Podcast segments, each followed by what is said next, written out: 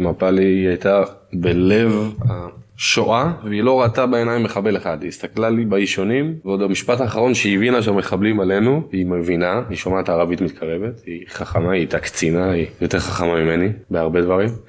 אז היא מסתכלת לי בעיניים ואומרת לי אני אוהבת אותך רועי ועוצמת את העיניים. דקה אחרי זה היא מתה כבר. כאילו זה המשפט האחרון, זה המבט האחרון, זה מנחם אותי כי אני יודע איזה מקרה מוות אכזריים היו בשבת הזאת.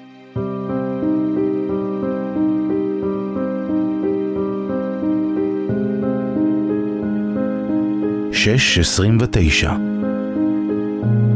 הדקה ששינתה אותנו. מגישים דנה ספקטור ורן שריג. הפקה אור אליעז. עורכת מיכל אבן.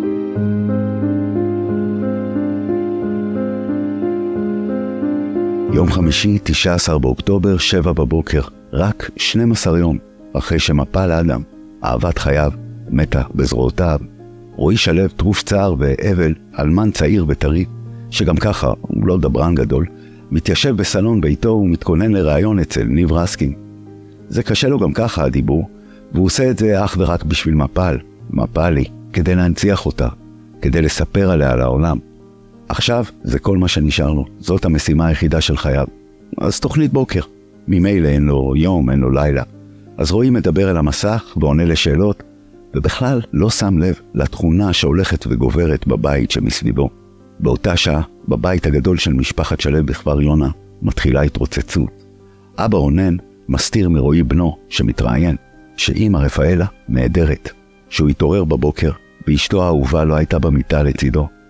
אשתו המלאת החיים, המצחיקה, אימא של רועי, שכל כך אהבה והייתה קשורה למפל, אז היא לא בבית. היא לא נמצאת בשום מקום, אף אחת מהחברות שלה לא יודעת איפה היא, והיא גם לא עונה לטלפון. שעות ספורות אחר כך, בתשע בבוקר, יקבל רועי טלפון מדובר המשטרה שיספר לו שאימו, רפאלה שלו, נמצאה מתה, במכונית צרופה, ליד קיבוץ צובה בהרי ירושלים. בתוך פחות משבועיים, רועי שלו יאבד את חברתו הטובה ביותר, היני, את אהבת חייו, מפל, ואת אמו, רפאלה. הוא הופך גם לאלמן טרי וגם ליתום. האסון הבלתי נתפס של השבעה באוקטובר, כמו קללה, ממשיך להתגלגל. אז איך מפצלים אבל? איך מחלקים את האובדן על אהבת חייך, על החברה הכי טובה שלך? ואז עוד עושים מקום בלב בשביל להתאבל על האישה הראשונה של חייך, על, על אימא שלך. אימא שלא עמדה בצער. איך מתאבלים על כל העולם במקביל? כשאתה שומע את הסיפור של רועי, בא לך להגיש כתב תביעה לאלוהים. פשוט לעלות לשמיים ולצרוח עליו. סליחה, אבל מה זה צריך להיות ההתעללות הזאת? למה הפכת דווקא את הבחור הטוב הזה, עם הלב הכל כך פתוח, לאיוב, לאיוב של חיי האהבה? אנחנו פוגשים את רועי שלו בבית של ההורים שלו, רונן ורפאלה, זיכרונה לברכה. כמה קשה להגיד את זה. הבית הוא צמוד קרקע שממוקם בכפר יונה, יש לו גינה שמקיפה אותם, אותו מסביב, ובה שני כלבים שנובחים אלינו בטירוף. אחד מהכלבים האלו היא בלה, כלבה המשותפת שהוא ומפל אימצו. היא לא מוכנה לבוא אליך גם אם תציע לה חמישה חטיפים מהכיס של המעיל שלך. היא בטראומה, רועי אומר לנו, ולא מפרש. ולא רק בלה בטראומה, גם רועי.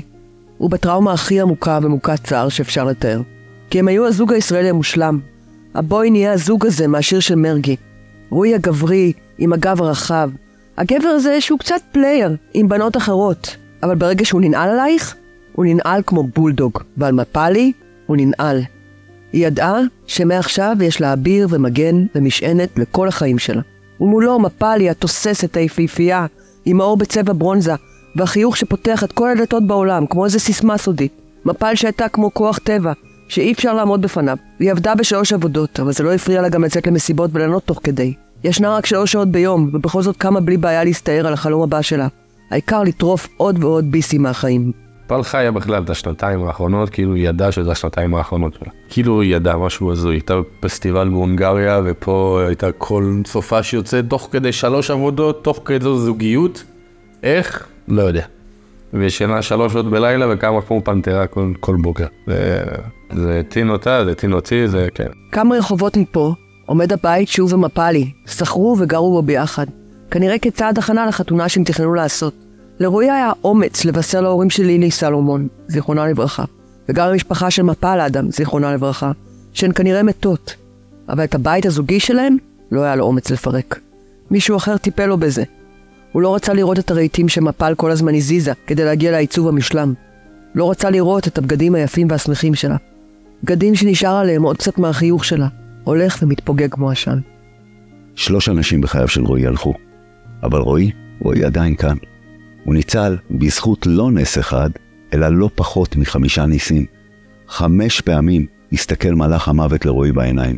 חמישה ניסים גלויים שהוא יספר לנו עליהם קראו לו בבוקר ההוא, שם, ביער רעים. אחד הדברים שהכי קשים לנו בפודקאסט הזה, נכון דנה? זה, זה לעורר את המפלצת כל פעם, נכון?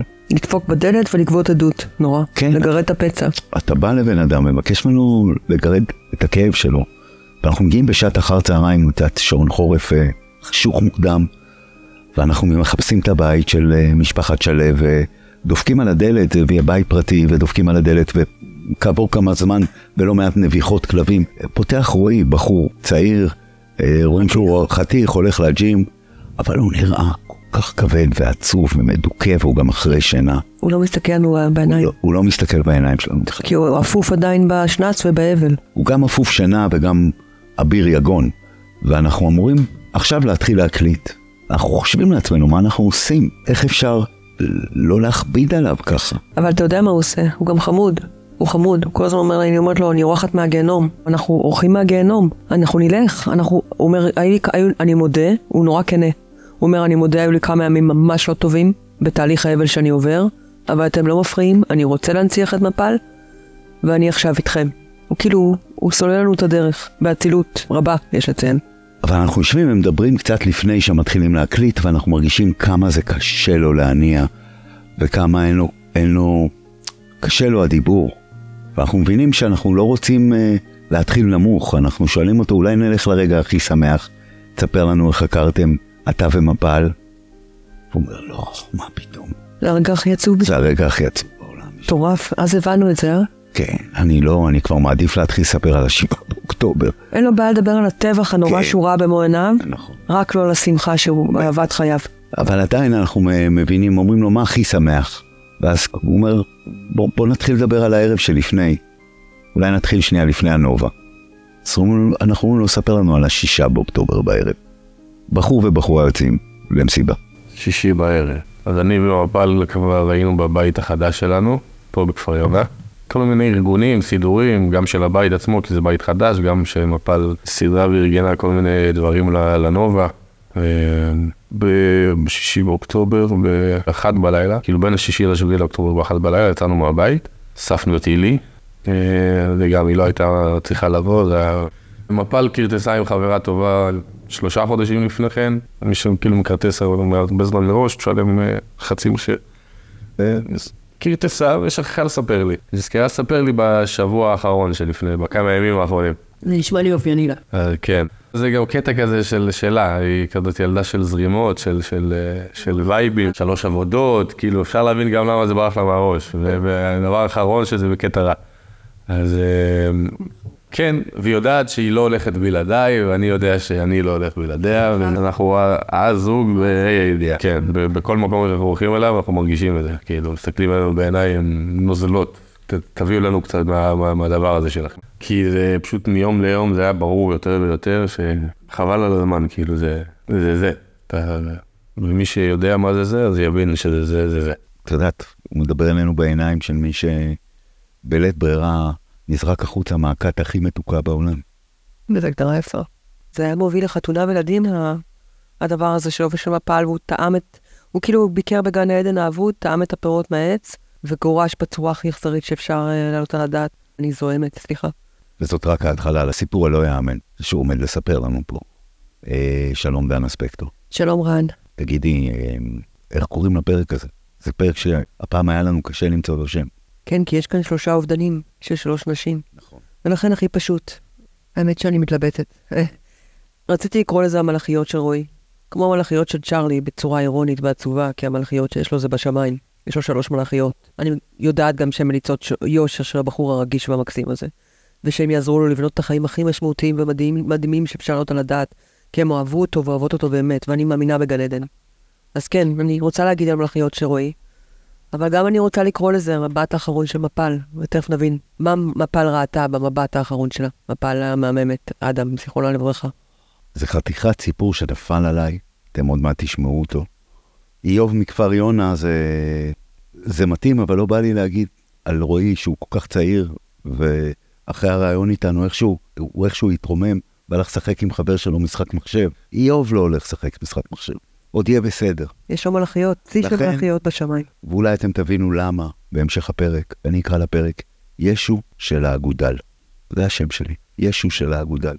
ועכשיו בואו נמקם את החיילים שלנו, את הגיבורים שלנו על הלוח.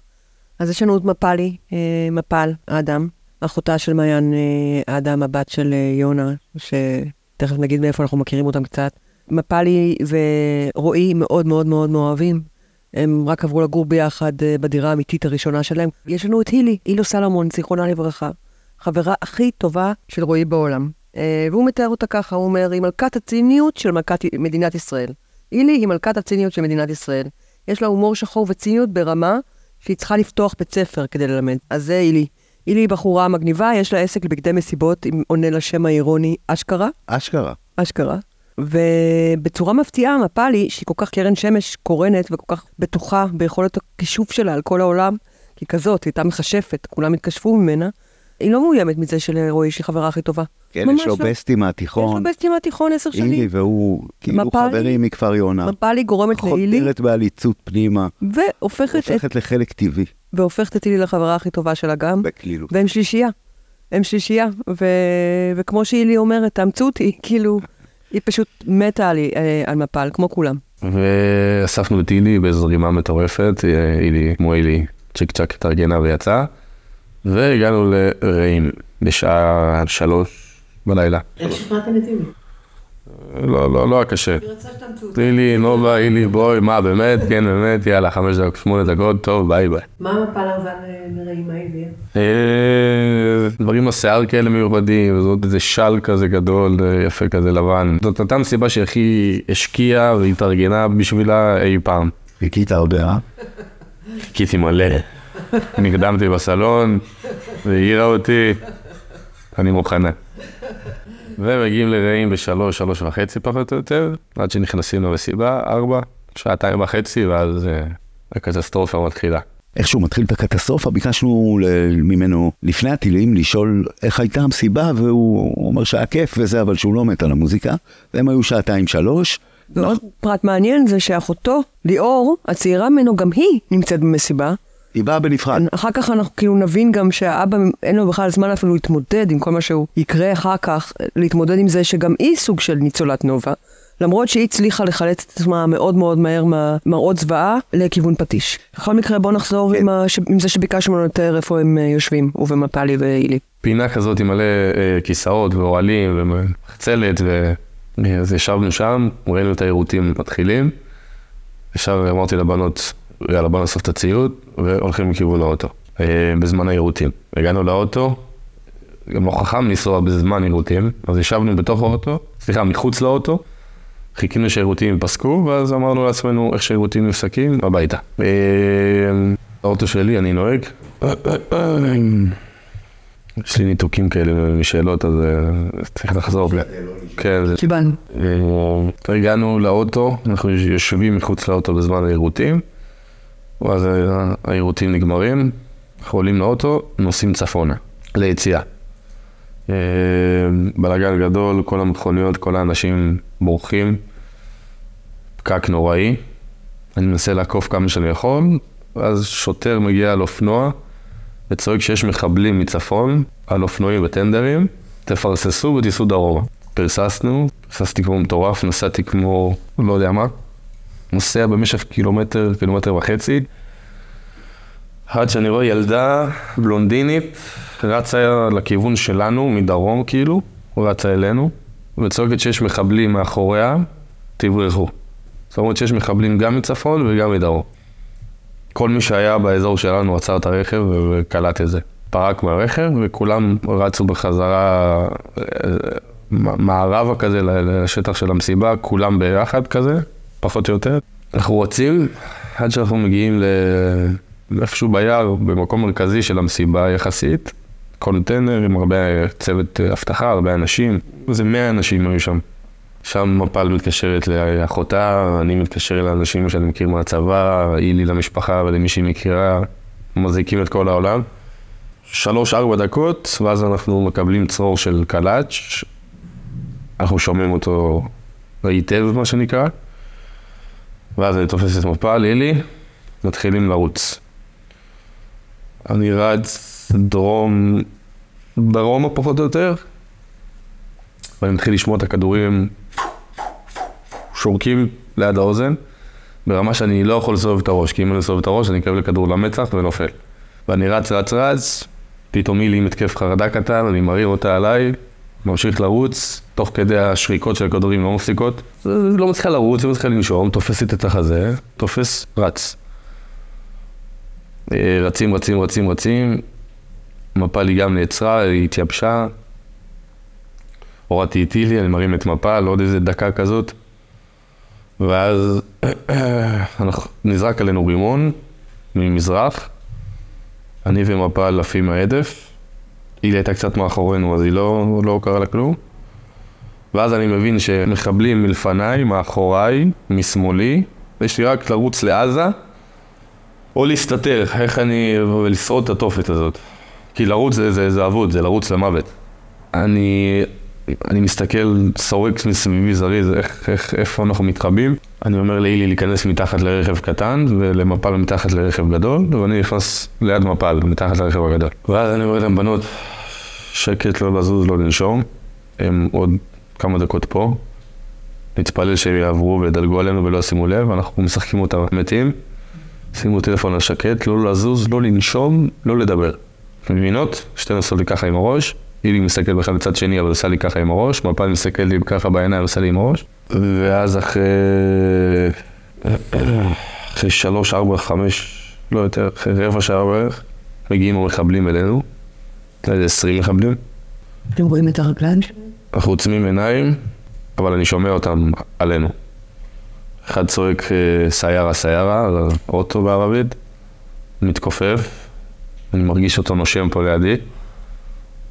אז הוא מדבר איתי בערבית, אני לא עונה לו, מתרחק, לוקח איזה בלוק, זורק עליי איזה, איזה אבן גדולה על הצלעות, לראות אם אני חי, אני לא זז, ואז הם יורים כדור בי, כדור במפלי, כדור בהילה. נשארים שם עוד שלוש-ארבע דקות, ונעלמים. אבל אני הרגשתי את הכדור, אבל אני מרגיש בהכרה עדיין שאני חי. ואני לא מרשה לעצמי לפתוח את העיניים אפילו, כי אני מפחד שיש איזה, איזה מחבל שמחכה לי, או מסתכל, לראות אם אני... אם רוצים לוודא עוד אחד. פותח את העיניים אחרי כמה דקות, אני רואה את מפלי לא איתי, רואה מאיפה הכדור יצא, כמה דם, שלולית של דם לידה. מרים קצת את הראש לראות מה עם מילי, כי הייתה קצת יותר רחוקה, אני רואה בדיוק איפה הכדור פגע, גם שהיא לא איתי. פה התחלתי לבכות, להשתולל, לאבד את זה. חמש, עשר דקות כאלה. נתתי לעצמי סטירה מטורפת לפנים, אמרתי יאללה, תתאפס, זה לא הזמן, איך שורדים את זה? כן, את הנשימה הזאת לקחנו גם כשהוא סיפר לנו את זה. כן, קשה לנשום. היינו צריכים נשימה, כן. אנחנו לא רוצים מילים. כן, הרגע הזה שאתה עוד לא עשר בבוקר, חברה הכי טובה שלך, במרחק שניים שלושה מטרים ממך באוטו ליד, מתחת לאוטו, כן. כן, מתחת לאוטו, ובזרועותיך אהבת חייך ירויה. הוא היה בכפיר, הוא יודע שהן מתות. וגם נחסוך אה, פרטים גרפיים איך הוא יודע שהן מתות, אבל הוא יודע שהן מתות. ואז קורה משהו מדהים. לוקח לו, הוא אומר שהוא לוקח, החמאס הולכים, ואז הוא לוקח לעצמו עשר דקות של אה, לקונן, להתאבל. בוא נגור שנייה על הרגע הזה שהוא מתות והוא עושה עצמו מת. איפוק שהיה רק בשואה לדעתי. כן, והזמן פה הוא פקטור בתו- בתוך הטראומה, כי הם מסתובבים שם, ורק כשהוא מרגיש בטוח לחלוטין שהם נעלמו, פותח את העיניים לראות את מה שהוא רואה. אז מה זה לבכות ולהתפרק? הוא לא יכול באמת לצרוח. כמו לא הרגע באמת- שמתפרץ פנימה, כמו חור שחור ששואב, הוא חייב לבכות ולצרוח בפנים. הוא לא יכול בקול. זאת אימה גם, כל שנייה הם יכולים לעצור. אז זה קריסה שקטה פנימה, התפרקות שקטה פנימה, כמו שקראת לזה כשנסענו חזרה הביתה, חור שחור. הוא השחורים שחורים נוצרים. כי מושכים את הכל. אני לא חושבת יודע. שהרגע המדויק שבו רועי שלו, שבאמת כל כך אהבנו אותו, כזה בחור. אני חושבת שזה הרגע שכשהוא אמר איך הוא התפרק מבפנים, איך הוא בעצם נשך אגרופים וצרח פנימה לתוך החור השחור שנהיה לו. כן, שוב. זה הרגע שהבנתי שיושב לידינו בן אדם שייקח לו זמן לחזור מהחור השחור הזה. והוא כבר נשא עדות, אתה יודע, הוא נושא את העדות הזאת כדי להנציח את מפאלי, והוא אומר שכל פעם הוא נזכר במשהו אחר. אני אגיד לך מה, הם הפכו אותנו לא, לא אנושיים. זה לא אנושי שבחור בן 30, בחור צעיר וחתיך שפגש את אהבת חייו ושידע בוודאות שהוא הולך להתחתן איתה, זה לא הגיוני שהיא תמות בזרועותיו, עזוב את זה, אבל שתמות בזרועותיו, אסור יהיה לו לבכות אפילו. זה לא אנושי שבן אדם, החברה הכי טובה שלו ואהבת חייו ישכבו לידו מתות, ואסור לו אפילו לבכות כי הוא, צריך לשחק פני מת. זה, זה לקחו מאיתנו את הזכות הבסיסית האנושית ביותר, לצרוח את נפשנו, לג- לגזור קרע, לשבור שבר. את הש... זעקת, הזעקה הקמאית הזאת של אה, של הזוועה, לקחו ממנו. הוא היה צריך לקרוס לתוך עצמו פנימה בשקט כשהוא מתאבל. אז שני ניסים כבר חלפו, אחד רימון שהוא ניצל ממנו, שתיים כדור שאיכשהו בדרך ניסית הוא ניצל ממנו. והידיעה הזאת שבכל שנייה הוא שומע קולות, הוא שומע צרחות מסביב, בכל שנייה, בכל שנייה זה עשוי, עשוי לחזור. אחרי 40 דקות כאלה בערך, שעה אפילו, אני שומע ערבית חדשה מצפון, ועדיין אין טנק, אין מסוק, אין עברית. אני בסרט ערבי. מגיעים אלינו 30 מחבלים חדשים פחות או יותר. עכשיו, כששמעתי אותם שהם מתקרבים אליי מצפון, רציתי כאילו לדמה את עצמי למת, כמה שנהיה, שנהיה כאילו, שהם יחשבו שהוא, שאני גופה, שבאמת חבל לבזבז עליי תחמושת. לקחתי את כל הדם של מפל, מהשלולי דם שיצא ממנו, התחלתי למרוח על כל הפצע ירי, על כל הגב, על הפרצוף, שנראה מגעיל. וחזרתי לאותה תנוחה, ואז הם מגיעים אלינו, אזור ה-30 מחבלים, ואז עוד פעם אחד צועק סיירה, מתכופף אליי, כאילו זה נוהל כזה. אומר לי משהו בערבית באוזן, זורק עליי אבן, ואז בום, כדור אחד רגבי, ופה כבר נשארו איזה רבע- עשר דקות, רבע שעה, ומגיעים עוד, וטנדרים שירים בערבית, ואחד מה- מהאלה, מהמחבלים עולה בקשר, וסיגריות, ו- וחפלה. מעל הראש שלי 30 מחבלים עושים חפלה, פפלה מוזיקה. זה מגיע, זה מגיע טנדרים עם שירים בערבית, והם רוקדים, ושירים, וסיגריות, ושמחה. חפלה, שאתה יודע, הם, הם, הם, עושים, הם מבינים שהם עושים דבר היסטורי. הם מבינים, הם נכנסים אלפיים, שוחטים מסיבה, אין מסוק, והם ממשיכים לתוך ישראל, לא עושים שירים. אם עכשיו לא עשינו, מתי הם עשינו? באזור שאני נמצא בו, אני בספק אם מישהו שרד. הם עברו אוטו-אוטו, גופה-גופה ווידוא. בי זה היה פעמיים וידוא הריגה. זה שאני חי זה נס. מפאלי מתה מכדור אחד. הילי מתה או מאחד או משניים, זה לא סגור על זה. מפאלי הייתה בלב השואה, והיא לא ראתה בעיניים מחבל אחד. היא הסתכלה לי באישונים, ועוד המשפט האחרון שהיא הבינה שהמחבלים עלינו, היא מבינה, היא שומעת ערבית מתקרבת, היא חכמה, היא הייתה קצינה, היא יותר חכמה ממני, בהרבה דברים. אז היא מסתכלת לי בעיניים ואומרת לי, אני אוהבת אותך רועי, ועוצם את העיניים. דקה אחרי זה היא מתה כבר. כאילו, זה המשפט האחרון, זה המבט האחרון. זה מנחם אותי, כי אני יודע איזה מקרה מוות אכזריים היו בשבת הזאת. אז הנה השם של הפרק שלך, דנה. המבט האחרון של מפאלי. אני מתנחמת בזה, אמרתי את זה גם לרועי, אני מתנחמת בזה שהמבט של האהוב הוא, הוא נמל, הוא חוף מבטחים, הוא בית, הוא רחם.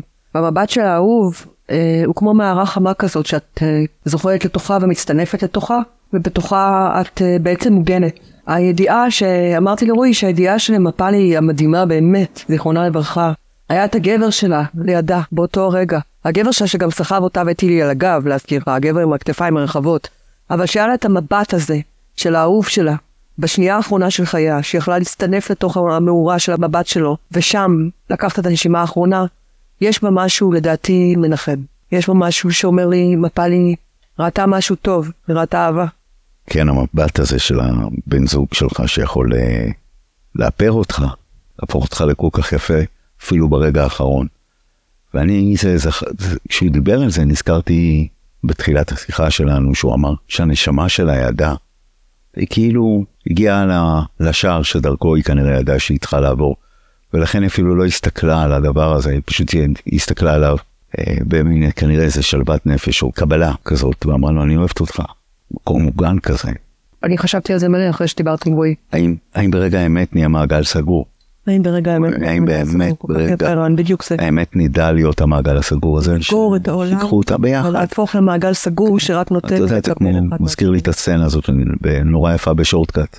על הזוג היחיד ששפוי שם, שזה לילי טומלין וטום וייטס ברעידת אדמה, זה מאוד דומה לזה. איזושהי דרך, סוף העולם מגיע ונכנסים ביחד למיטה. את יודעת? בת- כן, וצוחקים, לא מסתכלים על השואה. אבל אנחנו בכל זאת יושבים איתו.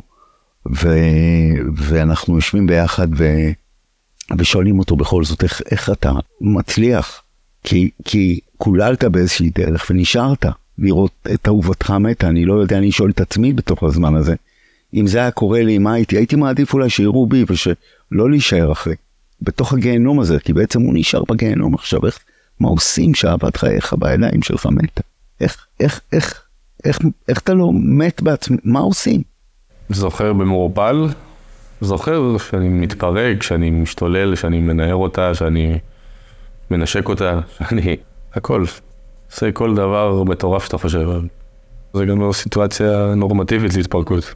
אז גם להתפרק אתה לא יכול. אולי ההתפרקות הזאת תפליל אותך. שאתה לא יכול, אני חייב להישאר במצב שהייתי בו, זה המצב שהייתי בו שבע שעות. ואת כל הכאב של השבע שעות האלה, אני לא זזתי סנטימטר בכל, בכל הזמן הזה. הפניתי את כל הכאב לאגודל יד ימין, שאותה קברתי בתוך האדמה. וכל כאב אפשרי, או כל דבר שאתם חושבים לעצמכם, הפניתי פשוט לאגודל הזאת. היא, הייתה כחולה בסוף, אבל עובדה שזה, זה, הם לא ראו אותי זז, הם לא, גם הנשימות שלי, הם לא נשימות של תינוק כאלה, לא יודע איך הצלחתי. לא יודע, כל הפיזי וה, והנפשי והמנטלי, הכל הפניתי לאגודל בתוך החול, והיא ספגה את כל הכאב. הגוף לא זז סנטימטר. אז הנה השם השני של הפרק, ישו של האגודל. כל החטאים, כל האשמה, כל הכאב, כל האובדן, כל הסבל וכל הרוע של המין האנושי, שאתה לא יכול לזוז. הוא הדגים לנו איך הוא שכב, הוא שכב לגמרי בצורה של ישו, שאת כל הרגשות שאפשר, את כל השאול, הוא ממקד באגודל שלו. רועי אה, אומר שבעצם אה, החיים שלו ניצלו חמש פעמים, היו חמישה ניסים כן, הוא אמר לנו כבר, באותו יום. אז בואו ננסה לספור אותם ביחד. מה שהיה לנו עד נמקם. את החיילים על הלוח גם בדיוק. ככה. בוא נעשה סדר. אז יש לנו קודם כל, רימון, רימון, ממנו גופו מרוסס קצת, יש רסיסים. נכון, שני, קליע. נכון. בירי של החבורה הראשונה, הירי שממנו הילי ומפל מתות, נרצחות. נס שלישי, היה עוד קליע. הפעם החבורה השמחה, חבורת הרמקולים וחבורת החפלה. גם זה הם עשו אותנו לאנשים, בזה שהם הכריחו אותנו לשמוע אותם צוהלים. הוא הכריח את רועי לשמוע אותם שמחים, כש... כשאנשים שהוא הכי אוהב שוכבות מתות. אז אנחנו אומרים לו, איפה, איפה שני הניסים הבאים? השעה רבע לעשר בבוקר, תשע וחצי, הם נעלמים, ואז אני מרשה לעצמי לפתוח את העיניים, עוד פעם, פעם שנייה. אני מבין שאני בחיים אחרי הכדור השני, מסתכל על מפל סיים סיים, וכנראה שהכדור שהם ירו פגע במכל דלק, ואז פגע בי. וכל המכל דלק עלינו, אני ומפל שוכבים בתוך שלולית ענקית של דלק. זאת הסיבה גם שהצליחו לזהות את הנקודה, כי חודש אחרי יש שלולית ענקית של ריח של דלק. כאילו זה, אנחנו היינו שם, חותמת. אנחנו בתוך השלולית הזאת, עם הזמן שעובר, וזה התרוקן בקצב מהיר, אבל 80 ליטר, 90 ליטר זה שלולית ענקית. אני כולי ספוג, ואני מזיז את מפלי הגופה מהשלולית, כדי שלא תהיה, שלא תטבע כגופה בתוך הדלק, כי זה מה שהיה. אני מוציא לה את הראש, לנקות ולייפות אותה עד השנייה האחרונה. אתה מלווה המושלם למוות. למספרים למטה, 05... אה, אני בשלולית דלק, המחבלים עזבו, בא לי סיגריה. דלק. לא חושב על זה לרגע. אני מוצא סיגריה. הקופסה הייתה זרוקה בתוך תיק ליד מפל. שם את הסיגריה בפה, מחפש מצית כמו מטורף. אין מצית, אין מצית, אין מצית. אני מזיז את מפל, כיסים, אין מצית. אז עוד נס. רק הדלקה קטנה, ואני באמת... כשאתה לא מוצא מצית, היה רגע שנפל לך. לא, לא, לא, לא, רק בבית חולים שסיפרתי לאימא ואבא שלי, צחקתי איתם. כאילו, מה, איך חיפשתי סיגריה בתוך שלולית דלק? ביחד. מכלית דלק, בחיי. היה, וואו. שרדת את כל זה, נהרגת מסיגריה. אז זה היה נס מספר 4. נס שלולית הדלק.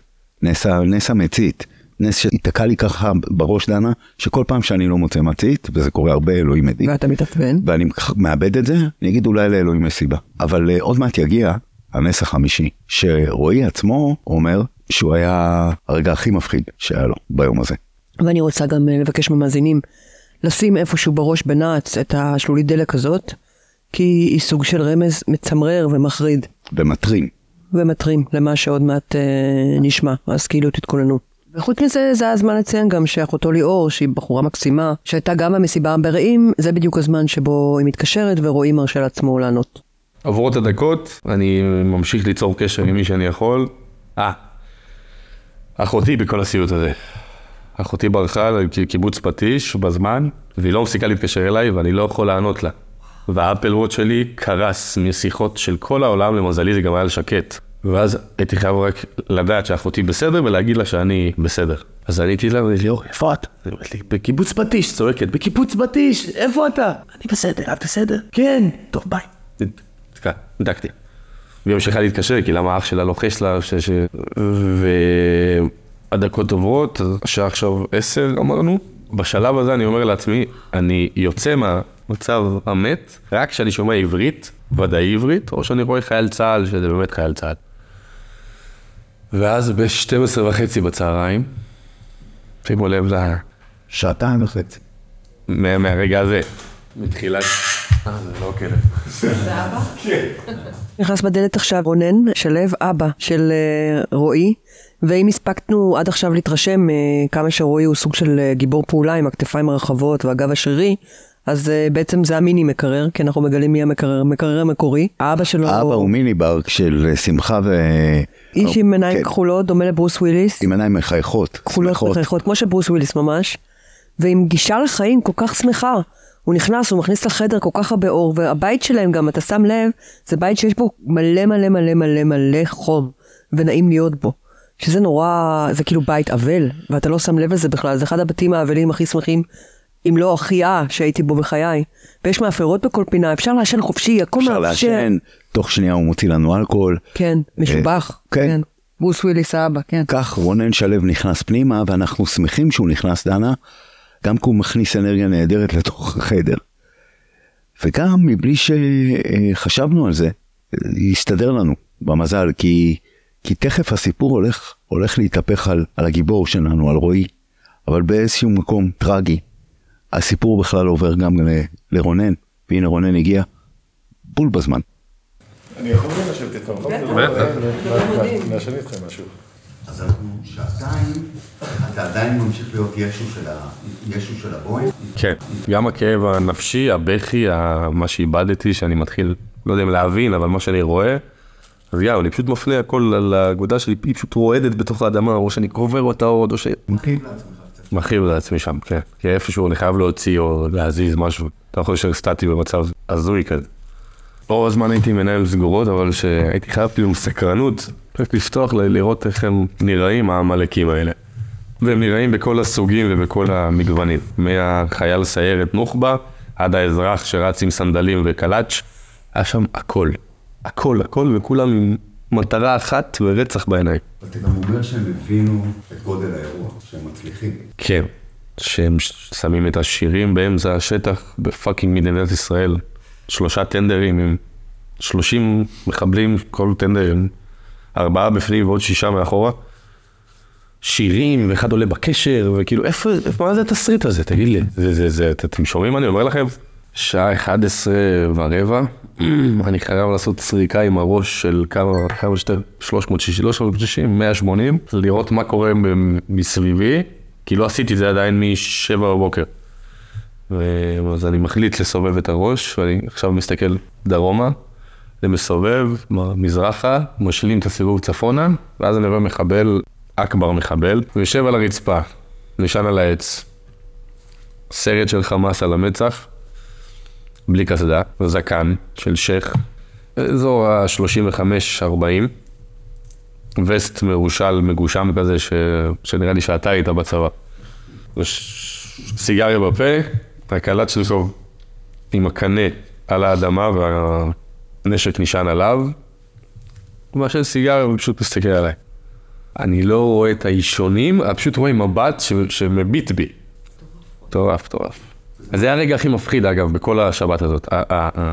הופ, אני, הוא רואה אותי או שהוא לא רואה אותי. זה הרגע הכי מפחיד. זה עוד שנייה קיבלתי התקף לב באותו רגע. אז אני מסתכל עליו, הוא מסתכל עליי, ואני אומר לעצמי, טוב, אני חייב לחזור, להישאר או לחזור לאותה תנוחה. כי אולי המחבלים שהיו פה יחזרו ויראו שהפכתי את הראש, אז הם ימשכו אותי לשבי, או יראו בי שוב, אז בואו נסובב את הראש חזרה לאיך שהייתי ונתפלל שהוא לא ראה. אז אני מסתכל לו בעיניים ואני מתחיל להגיד שמע ישראל, שמע ישראל, שמע ישראל, שמע ישראל, שמע ישראל, שמע ישראל, חוזר, ממשיך להגיד שמע ישראל במשך שתי דקות שלמות, ואני מבין שהוא לא, לא קורא לי כלום ואני לא שומע כלום, אז הוא לא ראה אותי. פשוט אני עוצר עיניים, הזמן עובר, חזרתי למצב מת, עוד שעה בערך. עד שאני שומע עברית, ב-12 וחצי בערך. אז זה היה בעצם נס מספר 5 של רועי. ומה שהוא בעצמו אומר, הרגע הכי מפחיד שיש. הרגע שבו הוא מסתכל ומחבל מול העיניים, השעה 11 וחצי הוא כבר 4 שעות, 4 וחצי שעות, שוכב כמו ישו. ואז הוא שוכב עוד שעה. וב-12 וחצי הוא שומע עברית. ומי שמגיע זה רכב של אה, חיילים, ולמרבית הזוועה הם לא מחלצים אותו. והזיה. והזיה. הסהרורית שאנחנו למדים שהיום הזה הוא מורכב מהם. כן, לפודקאסט הזה אנחנו נצטרף, אה, כשנפיץ אותו, תמונה של איך שרועי נראה באותו רגע, ותאמינו לי, זו התמונה הכי איומה שתראו בחור צעיר ויפה בן אה, 30 נראה אי פעם, הוא נראה בן 90, הוא? נראה כמו מומיה. אין פער יותר גדול, אה? זה כמו אנחנו ספילברג. נצרף את התמונה ואנשים לא יוכלו להאמין שככה נראה בן אדם צעיר. צעיר ויפה שיצא לדרך עם החברה, החברה האהובה שלו למסיבה, אתה לא יכול להאמין, הוא נראה באמת סצנה ממלחמת העולם הראשונה של ממש, ספילברג, זה ממש. פשוט לא יתואר, אנחנו באמת זומבי, נצרף. הוא נראה כמו זומבי. ובכל זאת החיילים רואים אותו, אנחנו לא מאשימים כמובן, אבל החיילים רואים את הזומבי הזה, למשימה. הם בדרך למשימה. לא- תדעי אם זה לא צבר אה. וחבורתו. הם לא עוצרים. הם אומרים לו, חכה פה, נשלח חילוץ. זאת אומרת שהאיש הזה צריך עכשיו לחכות בשטח שורץ מחבלים שיחזרו ויחלצו אותו. הוא שומע עברית ואז ואז עברית נוסעת. שוב נוטשים אותו. אז ככה, את יודעת, אחד הדברים הכי גרועים זה עינוי תקווה. הייתה לו כבר תקווה שמחלצים אותו ואז הם אומרים לו אנחנו ממשיכים הלאה. והוא מספר לנו, אנחנו מקצרים פה, הוא מספר לנו שמ-11 וחצי עד 12 וחצי הוא ממשיך לשכב כמו ישו של האגודל, ואז הוא שוב שומע עברית. או לא, רכב. הוא שומע רכב, הוא פתאום שומע צליל של רכב צבאי. שומע רכב מתקרב, באחת וחצי. נלחץ דבר ראשון, אני רואה שיח לא רחוק ממני, זוחל אליו מהר, קופץ עם כל הגוף לתוך השיח, ומסתתר בתוך השיח. אז כשהרכב ממש לידי, אני מרים את הראש, אני רואה את דוד צבאי. שעובר וממשיך, חולף על פניי ונוסע דרומה. אני קופץ, לא קופץ, יוצא מהשיח, מנסה לקום, לא מצליח לקום, ואני זוחל אחרי הרכב. עכשיו, תחשבו את הקצב, אני זוחל, והוא נוסע מהר, פשוט נעלם לי. אז אני זוחל, מרים את היד, זורק חפץ, אבנים, מקלות, מה, ש, מה, ש, מה שבא ליד, דברים גדולים, ש... עצם. זוחל, מרים את היד, התק- התקווה שלי שהם יראו אותי מההחמרה הצדדית. יראו משהו זז. זה מה שקרה. אחרי 100 מטר פשוט הרכב נעצר, רוורס של מהיר ועצבני, דלת נפתחת, זורקים אותי פנימה. מת לחיות. ונעלמים. וואו.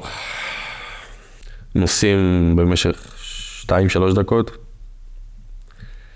שם הבנתי שזה לא חבר'ה רגילים. גם בשבעה סיפרו לי, עם הזמן גם כל מיני דברים או מתגלים או מתחברים, שהרי שלחתי נ"צים לכל העולם במהלך השעות האלה. זה הגיע ל... לאיש שב"כ רציני, ששלחו אליי ממש יחידה של, ה... של השב"כ. איך אני יודע שזה באמת זה? שהם מצאו אותי וזרקו אותי לאוטו, איך שעליתי לאוטו התחלתי לבכות ולהשתולל. בכיתי, כאילו התפרקתי, בכיתי. ומה הדבר הראשון שהחייל או המפקד או מי שעושה רואה אותי? נותן לי סטירה לפנים הכי חזקה שיש. בום! אל תבכה, מה ראית? כמה מחבלים? תתאפס. זה חבר'ה רציני, זה לא איזה סיור שעברו. הוא בא לעבוד. אני צוחק. תראי מה זה, גם, גם כשהוא כבר אה, מרשה לעצמו פעם ראשונה להתפרק ולבכות, להוציא את הצעקה הזאת שהוא היה צריך לצרוח.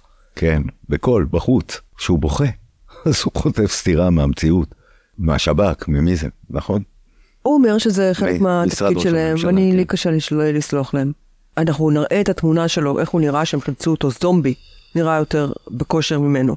לראות בן אדם שאוד מוצל מאש, שיוצא ככה, ורואים ששתי הנשים שהוא אוהב שוכבות מתחת לרכב מתות, ולסתור לו, אני לא יודעת, אולי אני לא מספיק גבר בשביל אני חייב. להגיד לך שאם יש משהו אחד שלמדתי מהשואה ומהשואה של השבעה באוקטובר, זה אל תשפוט ביום הסהרורי הזה אף אחד, יש לנו שם אנשים כנראה במשימה, ויש להם מין הזדמנות להוציא כל אינפורמציה שהם יכולים על שטח הקרב הכאוטי הזה, והם עושים את מה שהם יכולים, אבל זאת הזדמנות בעיקר בשבילנו להבין שזה אחת וחצי, אה, לא 12 וחצי כמו שאמרתי קודם, זה נמשך עוד יותר זמן, אבל בעצם זה הרגע שהגיבור שלנו מסיים את השלב של החילוץ שלו, והאופן שבו הוא שורד, ובעצם הופך לניצול, הניצול היחיד. זה מקום לעצור ולהגיד שלרועי אה. יש אה, אשמה, כמו לכל בן אדם שהיה שם, וזה כן מקום לעצור ולהגיד שא', מפלי, זיכרונה לברכה, לא הייתה לבד, הסתכלה בתוך המערה של העיניים שלו, בתוך הבית הזה, אה, והוא עטף אותה ברגעים האחרונים, ולהזכיר גם שהאיש החזק הזה, רועי, ואני רוצה להזכיר לך את זה, רועי, סחב על הכתפיים שלו, אותן, בשדה, כשהם רצו, כשהם לא יכלו יותר לרוץ. באמת לא היה שום דבר כמו שאמרתי לו בהומור, אה, אם כבר למות אז למות ליד מישהו לידך. אני באמת רוצה להגיד את זה. ולהגיד לו שאני לא רואה שום מקום שבו הוא יכול היה לעשות משהו אחר. זה המקום שבו הסיפור שלנו מקבל את, ה, את התפנית המאוד מוזרה שלו, האכזרית מאוד. הקללה המוזרה הזאת שמרחפת מעל, מתחילה להתגנב לסיפור, כי הגיבור שלנו מפונה ובעצם מגיע לסורוקה. ושם, שם בסורוקה. יגיעו רפאלה ורונן, ההורים שלו, יחד עם ואחותו? ליאור, שאף אחד בכלל לא זוכר שהיא, גם לא, היא בעצמה, כן, אבל- אבל מי זוכר כששוכב שם רועי עם רסיסים, ואם הוא הראה לנו את הגב כל שלו. הגב שלו זה מפת, ש- אה, שני כדורים. מפת תוצר של אה, שני כדורים. כדורי זה ירי. שבנס, נס פשוט. לא הוא כדורים, יד- כן. כן, בנס. ולאט לאט מגיעות גם, גם המשפחות של אה, מפל ושל של לילי. ורועי, בגבורה רבה, הוא שוכב במחלקה, שוכב בסורוקה, ובמקום לסגור את הדלת, הוא פותח את הדלת ומכניס את המשפחות פנימה ומספר. מאפשר להם להיכנס גם לראות אותו. כי הם למשפחה של לילי סולומון המדהימה, זיכרונה לברכה, וגם למשפחה של אה, מפל האדם. השמש שלו, המכשפת, לשניהם הוא מבשר שהוא ראה אותן מתות וזה ודאי. איזה ו- כאוס, את יודעת. יש רגעים שאולי עדיף לא לפתוח את הדלת לאנשים אה, פצועים, כי זה רגע קשה מאוד. כן. והוא הסכים, הוא צריך להיות מלאך המוות עכשיו, גם. והוא מספר להם. ומעיין אה, אדם, שהיא אישה מאוד אה, מרשימה, אני חייבת להגיד לך. בחורה מבריקה, היא מבריקה. קולטת ישר, היא מבינה ישר. מבינה ישר, אולי גם בבטן, באינטואיטיות גם מחשבה מבינה שלה היא. מרגישה. והיא מבינה ישר גם שההורים שלה צריכים עוד זמן כדי, אה, להאמין. כדי להאמין. וכאן אנחנו עושים מעבר זמן. בעודנו יושבים על שולחן כן. המטבח בבית הפתוח, החם, המזמין, בית שהוא בעצמו כמו סוג של ארסל, אתה מרגיש מאורסל, אתה לא רוצה לעזוב, האמת שבאמת דגרנו על רועי מלא שעות. לא רצינו ללכת מרוב שהיה לנו נעים, ממש. אבל אנחנו כבר על שולחן המטבח ואנחנו מגיעים אה, לחלק התפנית של הפודקאסט. אנחנו בעצם חוזרים הביתה, יחד עם הפצוע שלנו, שהוא בעיקר פצוע בנפש. הימים עוברים, הוא מסרב אה, לצאת מהבית, הוא מעשן, בקושי ישן, ו... והמשפחה כולה עסוקה בהחלמתו של, של רועי. כן. כל המשפחה מתרוצצת סביבו. הוא מתאר איך הוא הלך להלוויה של אה, מפאלי, וכולם צעקו, פצוע, פצוע, עובר פה פצוע, אפילו להלוויה הוא מגיע מאוד מאוד פצוע, צריך לפנות לו דרך. ואיך הוא כמובן קורס על הקבר שלה, ואומר משהו מהלב. הוא מוצא מקום אפילו לתת הספד, פצוע. וכך זה הדבר היחיד שהוא עושה כשהוא יוצא מהבית, והסיפור שלנו עכשיו עובר ל-19 באוקטובר.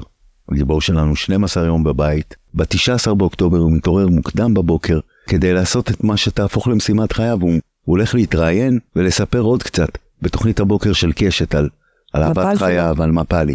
אני בדיוק מתראיין לרסקין, פה בכיסא הזה. בזמן שאני מתראיין, היא כבר לא בחיים. ואני אני לא יודע את זה עדיין. היא נעדרה מהלילה, ואבא שלי והאחים שלי ידעו את זה, ו... כן, ידעו את זה בשעות הבוקר, ראינו את זה בבוקר שהיא איננה. היא יצאה מהבית בלילה.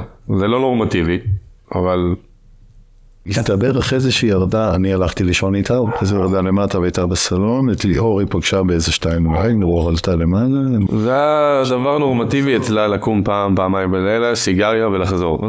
היא ירדה, יצאה מהחדר, פגשה את אחותי בשתיים בלילה, אפילו היא לא שמה לב למשהו. היא נהדרת, היא לא עונה. הם לא רצו להלחיץ אותי בזמן הראיון עם רסקין, אמרו נספר לו אחר כך גם שנדע מה קורה, הם לא רצו סתם. עכשיו אני חושב, בשבע התקשרתי שוב, והיא לא ענתה, ואז התחלתי לדאוג. בשבע שהיא לא ענתה כבר התחלתי לדאוג, ואז התקשרתי לאחותה, הכי קרובה אליה,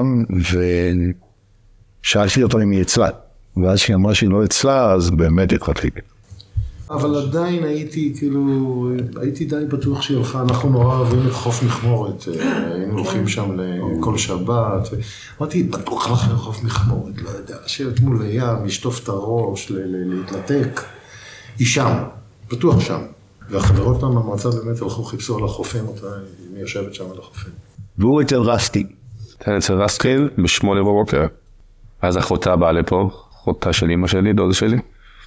ואז מישהו שאל איזה משהו, מה, מה, מה, איפה, מה עם אמא? לא, היא נהדרת מהבוקר, לא מוצאים אותה, ואז חיברו אותי כאילו לתמונה. כן, לא סיפרנו לך בהתחלה. אני גם בכלל במצב שלי, בלי קשר לרעיון עם רסקין, לא רוצים סתם לקפוץ עליי עם כותרות ש... כן, בוא נגיד שצברת כותרות. הבנתם. הבנו. הבנתם אותי, תודה. גם מדהים שהתרעננת. אתה יודע, אני רואה אותך, זה לא אופייני לך. היה לי מאוד מאוד מאוד קשה. אני עושה את זה קודם, קודם כל בשביל ההנצחה, ואני אמשיך לעשות כל החיים בהנצחה ושידעו מי, מי, מי הייתה פה. זה, זה, זה פשע שלא ידעו. ואז מה קורה? עוברות השעות, אה, אני מבין שיש פה משהו, מה קורה פה, מה, משהו לא, לא נורמטיבי, מתקשר למעיין. היא חוזרת אליי בהודעה, אני באמצע, אני באמצע ישיבה, משהו דחוף, כן. מתקשרת אליי תוך שנייה, אומרת לי מה קרה. מעיין, אמא שלי א' ב' ג' מדברים הכי בכיר במשטרה, שיפנו אליי עכשיו, שיסבירו לי מה קורה ואיפה היא. אומרת לי דקה, אני דקה מתקשר אליך. כיוון שמעיין אה, אדם היא אשת תקשורת ידועה ויש לה מלא קשרים, היא מוצאת ישר למי להתקשר והיא פונה לאלי לוי, דובר המשטרה, ואלי לוי מתקשר אה, למשפחה, ובעצם יש כאן איזה גם סוג של אה, פאשלה של המשטרה, כי היא לא מודיעה להם בזמן על משהו שאירע בבוקר, על ממצא שמצאו בבוקר. בוא נגיד שלעומת הפאשלות שקרו פה בדרגים אחרים, המשטרה היא אחד הגופים היחידים שמתפקדים, וזה בטח לא פאשלה גדולה. בכל זאת, בשבע וחצי התחילו לחפש אותה, אנחנו בתשע וחצי בבוקר. זה בטח הקשרים של, של מעיין שעוזרת לקצר תהליכים, אבל אותי מרגש הקשר שנהיה בין שתי המשפחות. כן. העזרה הזאת ברגע הצהרה, כי הסיפור פה מקבל תפנית בלתי נתפסת פשוט. ממצב ש... שרועי עסוק אה, בלחזור מההלוויה מה, מה של, אה, של מפל למצב שכרגע אימא שלו נהדרת. נפל עלינו, ראית, הוא בית כמו שהוא בטח נופל עכשיו על המאזינים. כן, נותר רק לחשוב איך מעיין הרגישה. שהם חשבו שהם קברו את המתים, את כל המתים. שפתאום מתקבלת הידיעה. איפה, איפה רפאלה? איפה אימא? איפה אימא של רועי? הוא מתקשר אליי, והוא כועס שלא עדכנו אותנו על כלום באמת, זה א', ב' הוא ישר הוא אומר לי על רכב שרוף, על רכב שרוף באזור... לא, זה לא, הוא אחרי זה הקצין משטרה התקשר. סליחה, נכון. אחרי שאלי התקשר נכון. אליו, קצין משטרה התקשר ואמר, מה, לא שתיים, שלוש דקות. שמצאו רכב שרוף. רכב הם שרוף. ידעו כבר בחמש בבוקר שמצאו את הרכב של השרוף, ויש את המספר רכב והכל, אפשר לעשות את החיבור נורא בקלות. שלחו את הגופה לאבו כביר, לקחו- דגימת DNA מליאור, הרכב שרוף, בפנים, ופלאפון מחוץ לרכב עם אה, מכתב פרידה. בטלפון, רשמה ב- בהודעה שלא שלחה אותה, כאילו, וזרקה את הטלפון מהאוטו, שלא יישרף. כן. מצאו את הטלפון כאילו זרוק ליד האוטו, ואוטו שרוף. הייתם צריכים לזהות? לא, לא היה מה לזהות, קודם כל, אבל לקחו, ביקשו ממני, לק- ביקשו ממני להביא את ליאור למשטרת שדות לתת DNA, בדיקת DNA בתשע בבוקר. לא הסבירו לי למה, שזה גם הוא מאוד כעס. הקצין שהתקשר אמר, תגיד לי, אף אחד לא אמר לך למה זה. עכשיו הוא, אני שאלתי למה זה, ואז הוא חרטט לי בעצם, הוא אמר, אה, יש, אה, בעקבות השביעי בנובמבר, אה, השביעי באוקטובר, יש נוהל חדש שעל כל נעדר מיד לוקחים בדיקת DNA. הוא חרטט כנראה, זה לא נכון. יכולה לחסוך לכם את הוא היה יכול לחסוך, והיה צריך להגיד מצאו רכב שרוף, יכול להיות, יכול זה עם אשתך, וצריך את הדגימה של ליאור, לא אמרו לנו כלום. אם אלי לוי לא מתקשר, אולי היו מודיעים לנו בכלל למחרת. לך תסביר גיהנום, או מדור בגיהנום. אז בואו ננסה, למרות שזה קשה, להיכנס עם כפפות שנייה פנימה, כפפות מוזרות כאלה, של זקה של הנפש, וננסה להבין מה קורה פה. רפאלה אישה שמחה, אישה שמחה, אישה רפאלה. חיונית, רוקדת, בלי בעיות נפשיות, ואז אני מגיע השבעה באוקטובר. אימא מושלמת. שבעה באוקטובר עם מפל, מפלי, שהוא דיבר, הוא סיפר לך, הוא סיפר לי, הן היו מאוד קשורות. מאוד מאוד קשורות. הילי הייתה חברה שלו והיא הייתה קשורה מאוד מאוד, היא הייתה בת בית שם. בנוסף לזה, היא איבדה את הבן הבן של. המנהלת שלה וחברה שלה מת בעזה. ילד שהיא מכירה מאז שהוא קטן, עוד קטן, אחד קטן, למניין קטן. המתים. שלוש הלוויות בעשרה ימים, נכון. שלפעמים הנפש, כשהיא עוברת למקום הזה, שהיא אולי כשהיא במצב פתוח, רגיש מדי, ונחשפת ליותר מדי רוע, בזמן מסוים, נפש מסוימת, אנחנו לא יכולים לדעת מה קרה. בואו ננסה לתאר מה אנחנו כן יודעים. אנחנו לא יודעים מתי הכיור שלנו נשבר, ואנחנו צריכים לקרוא אינסטלטור, אז אנחנו גם לא יודעים מתי נפש מסוימת נשברת. נורא חשוב לא לשפוט פה. קשה שלו. קשה, נכון. כי אנחנו אוהבים את רועי, וקשה לנו לחשוב שהוא עכשיו קיבל את הטראומה השלישית בחייו. לא הוגן. אבל אנחנו לא יודעים מתי נפש נשברת ולמה. בואו ננסה לדעת מה אנחנו, את. התמונה שאנחנו יודעים. אוקיי, בשעה שתיים בלילה היא יוצאת, יורדת למטבח, לא מצליחה להירדם, יורדת למטבח, פוגשת את הבת המהממת שלה ליאור, שהייתה בנובה, לא אומרת לה כלום. כן. לא שמים לב לכלום. בית כזה שיש בו ילדים אה, מתבגרים ובשעות הלילה הם לא אה, טיילת. ובעיקר אנחנו אומרים לנו על, על האימא שהיא היא מתעוררת הרבה בלילות, אז כאילו, כן, אף אחד לא דואג. אף אחד לא, אימא ירדה לעשן. גילנו לא ישנים הרבה, מה כן, שנקרא. כן. אה, היא פוגשת את הבת, ואז היא לוקחת את הרכב ונוסעת די הרבה קילומטרים, דווקא ליער, ליד קיבוץ סובה. ושם היא כותבת מכתב פרידה בפתקים של הטלפון, זורקת את הטלפון החוצה, ומציתה את הרכב שלה על עצמה. היא בעצם שורפת את עצמה בתוך הרכב. וזה המקום גם להיזכר שהבן שלה, רועי, היה מסיבה, וכמעט גם הוא הבעיר את עצמו על הרכב, כשהוא נכון. רצה להדליק סיגריה. בואו נסתכל על הסימטריה, יש כאן אפשר סימטריה שלא- במיטה שצריך להסתכל עליה. כן. שאולי מרמזת לנו, אם אנחנו יומרניים, משהו, כי היא בעצם השלימה את העבודה, היא שרפה את עצמה על הרכב שלה. בעצם את אומרת, היא עשתה מין עסקה כזאת של אשמה עם אלוהים. כן, יכול להיות, זה מאוד סימטרי עם מה שקרה לרועי בנובה. אני לא יודע, אני רק יודע שהיא נסעה, בוודאות אנחנו יודעים דבר אחד, היא נסעה שעה מכפר יונה. אישה שאף פעם לא. נסעה לשום מקום רחוק. שום דבר האבא אמר, לה. אני שונא לנסוע ברוך ברכב. איננה נוסעת רחוק, אין לה שום עניין עם הרי ירושלים או עם צובה. לשם היא דווקא בוחרת לקחת את המכונית שלה, וכן אני אגיד משהו על האופן שבו אנשים בוחרים לסיים את החיים שלהם. את יודעת, יש כל מיני אופציות, אפשר כדורים, אפשר לקפוץ, אפשר... טריגר, אה, התאבדות, ואנחנו לא מעודדים אובדנות. בוודאי. סליחה רב. אבל נהוג לומר, מאוד נדיר שאנשים מציתים את עצמם. ועוד סטטיסטית, תבראו, תראו שנשים מציתות עצמם עוד פחות. זה אומר שרפאלה, נשבר לי הלב שאני חושב על זה. אישה מדהימה, ראיתי את התמונה שלה, כל כך יפה. היא נשרפה מבפנים אולי, אני לא יודע מה היא עברה שם. כשהיא נכנסה לאוטו ונסעה מכפר יונה למקום שהיא מעולם לא הייתה בו לפני כן. כן, היא אהבה בכלל את הים, חיפשו אותה בים. חוף הים זה המקום שלה, זה ה-go to place שלה. ואז אנחנו שואלים אותה, אנחנו רוצים לדעת, מסתכלים אחד על השני, מה היא כתבה במכתב? כתבה כל אחד מה שהיא חושבת שטוב עבורו, אה, שהיא דואגת והיא שומרת עליו מלמעלה, שהיא סובלת פה, שהיא תנוח למעלה, ושהיא אוהבת אותנו. אה, זהו. מצאתם בזה נחמה כזה? כן. החלטנו גם לא לכעוס. לקחנו החלטה לא לכעוס. החלטה משפחתית, החלטה משפחתית, לקחנו אותה, אני חושב, כבר ביום שישי הראשון, נכון? אה, בערב. אני קצת אה, לקח לי יותר זמן, לפני אה, לוויה כן. אפילו. אני זה בא לי קצת יותר מאוחר מהם, כן, כי אני עברתי טראומה אחרת, אבל כן. ומי שאני הכי צריך אותו בשבילי בזמנים הכי קשים של זה, זאת אימא. אז כן כעסתי ומאוד. אה, אבל עם הזמן שהבנתי, נרגעתי, דיברתי, שמעתי, שיתפתי, נזכרתי גם מי הייתה, זו הייתה האימא הכי מושלמת בעולם. אז כן, היא סבלה פה והיא מעדיפה עכשיו לנוח ואני מאמין לה. בשבוע הזה של הלוויות היינו בשלוש הלוויות חד חשני. מפלי, הילי ו- ועומר. וזה שבעה ועוד שבעה ועוד שבעה. אצל מעיין זה שבעה כל יום היינו שם לדעתי. אצל לילי היינו זה שלוש פעמים. אתה מתעסק רק עם, עם אובדן, אולי אפילו גם מתערבב לה כל הקטע הזה שהיא קיבלה מתנה, את הילדים בחיים וקברה אחרים. יש, מה- יש, אה, זה נקרא אשמת אשמת הניצולים, זה עוד מיום כיפור אני חושב. אשמת הניצולים. לא היה שום סימן לזה לפני השנה. האישה הכי שמחה בעולם. אני עד הרגע האחרון, כולנו, הייתה פה איזושהי קונספ... כאילו קונספירציה כזאת שמישהו עשה לה משהו. כי לא יכול להיות. זה הכל נגד, אה, נגד, ה... נגד הכל בעצם. זה, זה לא... לא אופציה שהיא, שהיא תעשה דבר כזה, אישה הכי שמחה והכי אוהבת את החיים, והכי אוהבת את הילדים, את המשפחה.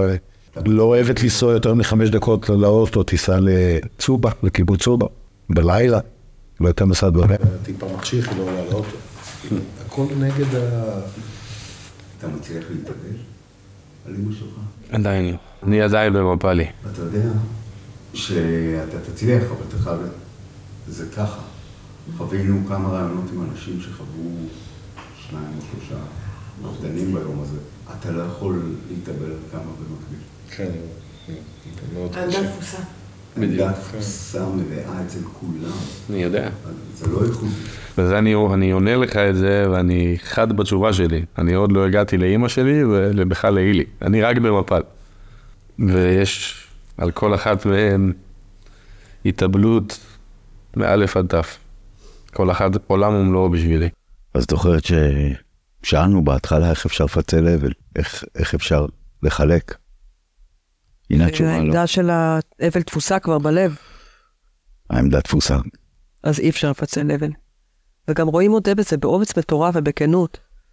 הוא אומר, אני מצטער, אני מפאלי, העמדה תפוסה. כל כולי מפאלי. הוא קעקע על הגוף שלו את מפאלי ואת אימא שלו, ויש לו הבית מלא בעמדות הנצחה, יש שם איזה עץ כזה, מעמד עץ כזה עם שלושת המלאכיות שלו חרוטות עליו. הוא לגמרי לגמרי מתמסר באופן טבעי כמעט ליגון האיובי שלו, הוא מביא לנו פסל כזה, כן, מעץ. מעץ, שבו הוא עשה פינת הנצחה לשלוש האנשים שהוא איבד בה תוך 12 יום. אז בחוץ הוא מנציחים כל הזמן, אבל בפנים בפנים הלב לא יכול להתאבל על שלוש נשים אהובות כל כך ב- ביחד. יש לו אבל בהמתנה, יש לו שני וזה מה. שעצוב, כן. הוא כל כך צעיר, כל כך חתיך ומלא חיים. ואתה יודע שיש לו עוד שני אבל בהמתנה, אבל בממתינה, יש לו עוד שני תהליכים שלמים של אבל לעבור על אימא שלו כמובן, רפאלה, שכאמור הייתה אישה שמחה, מהממת, כל הבית מלא בה. אתה יודע, לפני שהלכתי הפלתי כוס, ואז האבא אמר איך היא הייתה קלאמזי. אה, וחשבתי אולי רפאלה מנסה לתת לנו משהו. שהיא פה, מרגישים אותה. אני ממש אהבתי אותה, רן. ואת הנוכחות שלה. כאילו, אני אפילו לא יודעת מה אני רוצה להגיד, רק שהרגשתי את הנוכחות של רפאלה. זיכרונה לברכה בבית. ושרועי לא פנוי לזה. הוא רק, אך ורק עם מפל. וקרה איזה משהו יפה במהלך השעתיים שבילינו עם, ה... עם שני הגברים האבלים, עם רונן ועם uh, רועי. זה זה ברוס וויליסים, כן, חייבים ש- להגיד את זה. ממש, שני גיבורי הפעולה מכפר יונה. ואנחנו יושבים ו... ומעשנים ושותים ומדברים, ו... ולאט לאט אה, רועי מצליח איכשהו כמעט הכנה ל... אני יודע מה, לחיוך נקרא לזה, לא, הוא צחק כמה פעמים איתנו. ואז הרגשנו שהבשילו התנאים לחזור לדבר שהיה לו הכי קשה לדבר עליו. זוכרת? מה הדבר שהכי קשה לדבר עליו? השמחה. מה, איך הוא פגש את אהבת חייו? ההתאהבות, ההתאהבות, המפגש. כן. ואחרי שעה וחצי, אנחנו מעיזים שהוא להגיד לו, סיפר את כל הסיפור בנאמנות של חמור ממש. כל הטרגדיות. כמו סוס, הוא הלך צעד צעד בנתיבי הכאב ולא פספס אף פרט, כי ככה הוא מנציח את מפאלי. הוא מספר את הסיפור הזה, ולוקח עליו שליטה, פעם אחר עכשיו הוא פעם. כבר חזק מספיק בשביל לספר איך- איך הם הכירו בפעם הראשונה. ולאהוב שוב, ולהרגיש את הכאב הזה שוב. הכי כואב. אז הכרנו לפני כמעט שנתיים באיזה מסיבה. אה, מבט כזה חודרני, ישר סימנתי אותה ברחבה. זוכר מה היא לבשה, איך היא רקדה. לבשה כזה ג'ינס גבוה וגופייה שחורה, נעליים גבוהות, שיער אסוף, מורקדת כמו שרק יודעת לטעות. חלפנו כמה מילים, טלפון, ועם הזמן היא נכנסה לחבורה שלנו.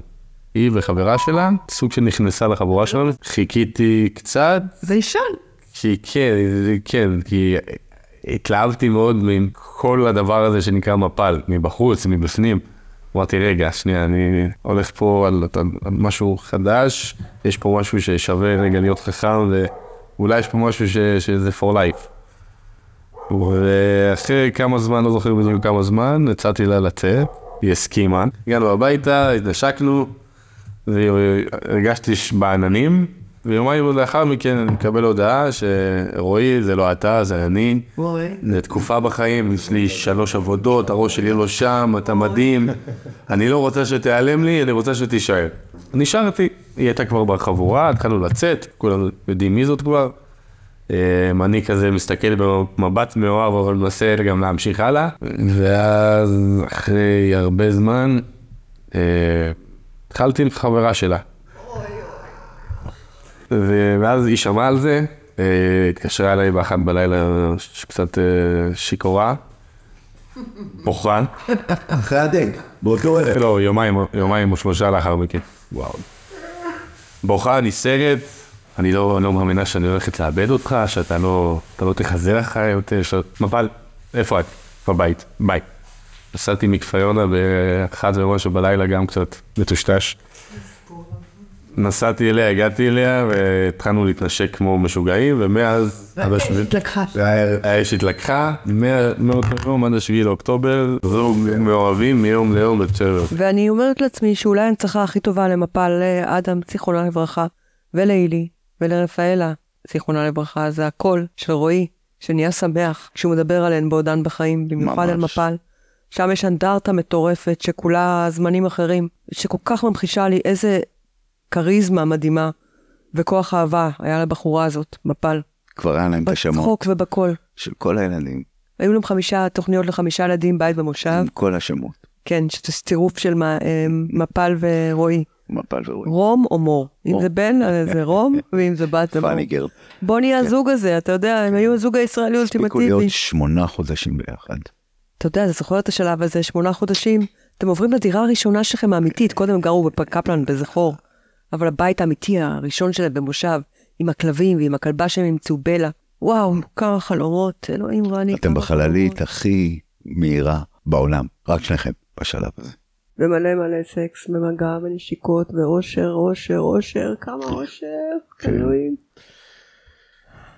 אז הפרק הזה מוקדש לזכרה של אה, מפל אדם, המושכת, הכובשת, המכשפת, שחבל שלא זכינו להכיר, לזכרה של אילי סלומון, שיכלה להעביר לכולנו בית ספר בהומור שחור וציניות, בסטייל גם, כן. בסטייל.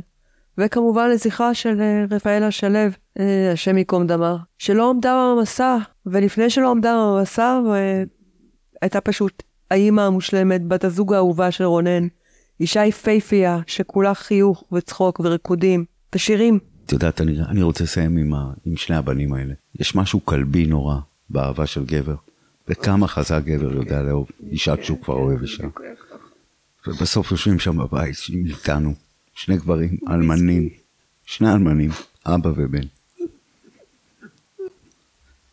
יושב, אה, יושב רונן ומשמיע לנו את השירים שהוא היה משמיע לרפאלה. את הפלייליסטים שלהם. לא יכול שזה- להוריד כן. ממך את העיניים. ודור אחד אוהב שירים של מאיר אריאל, והדור השני אוהב שירים של עדן חסון, ושניהם יושבים שם גמורים, עם האנרגיה הכבדה של הגבר, ובסוף הם הדבר הקליל שאישר לחיות פה, והם שניהם בוחרים בחיים, את יודעת, שותים, משחקים פלייסטיישן, ובוכים.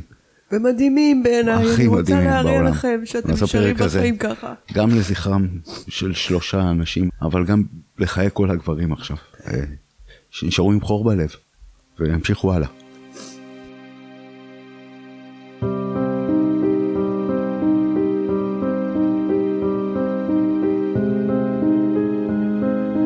שש עשרים ותשע. הדקה ששינתה אותנו. מגישים דנה ספקטור ורן שריג. הפקה אור אליעז. עורכת מיכל אבן.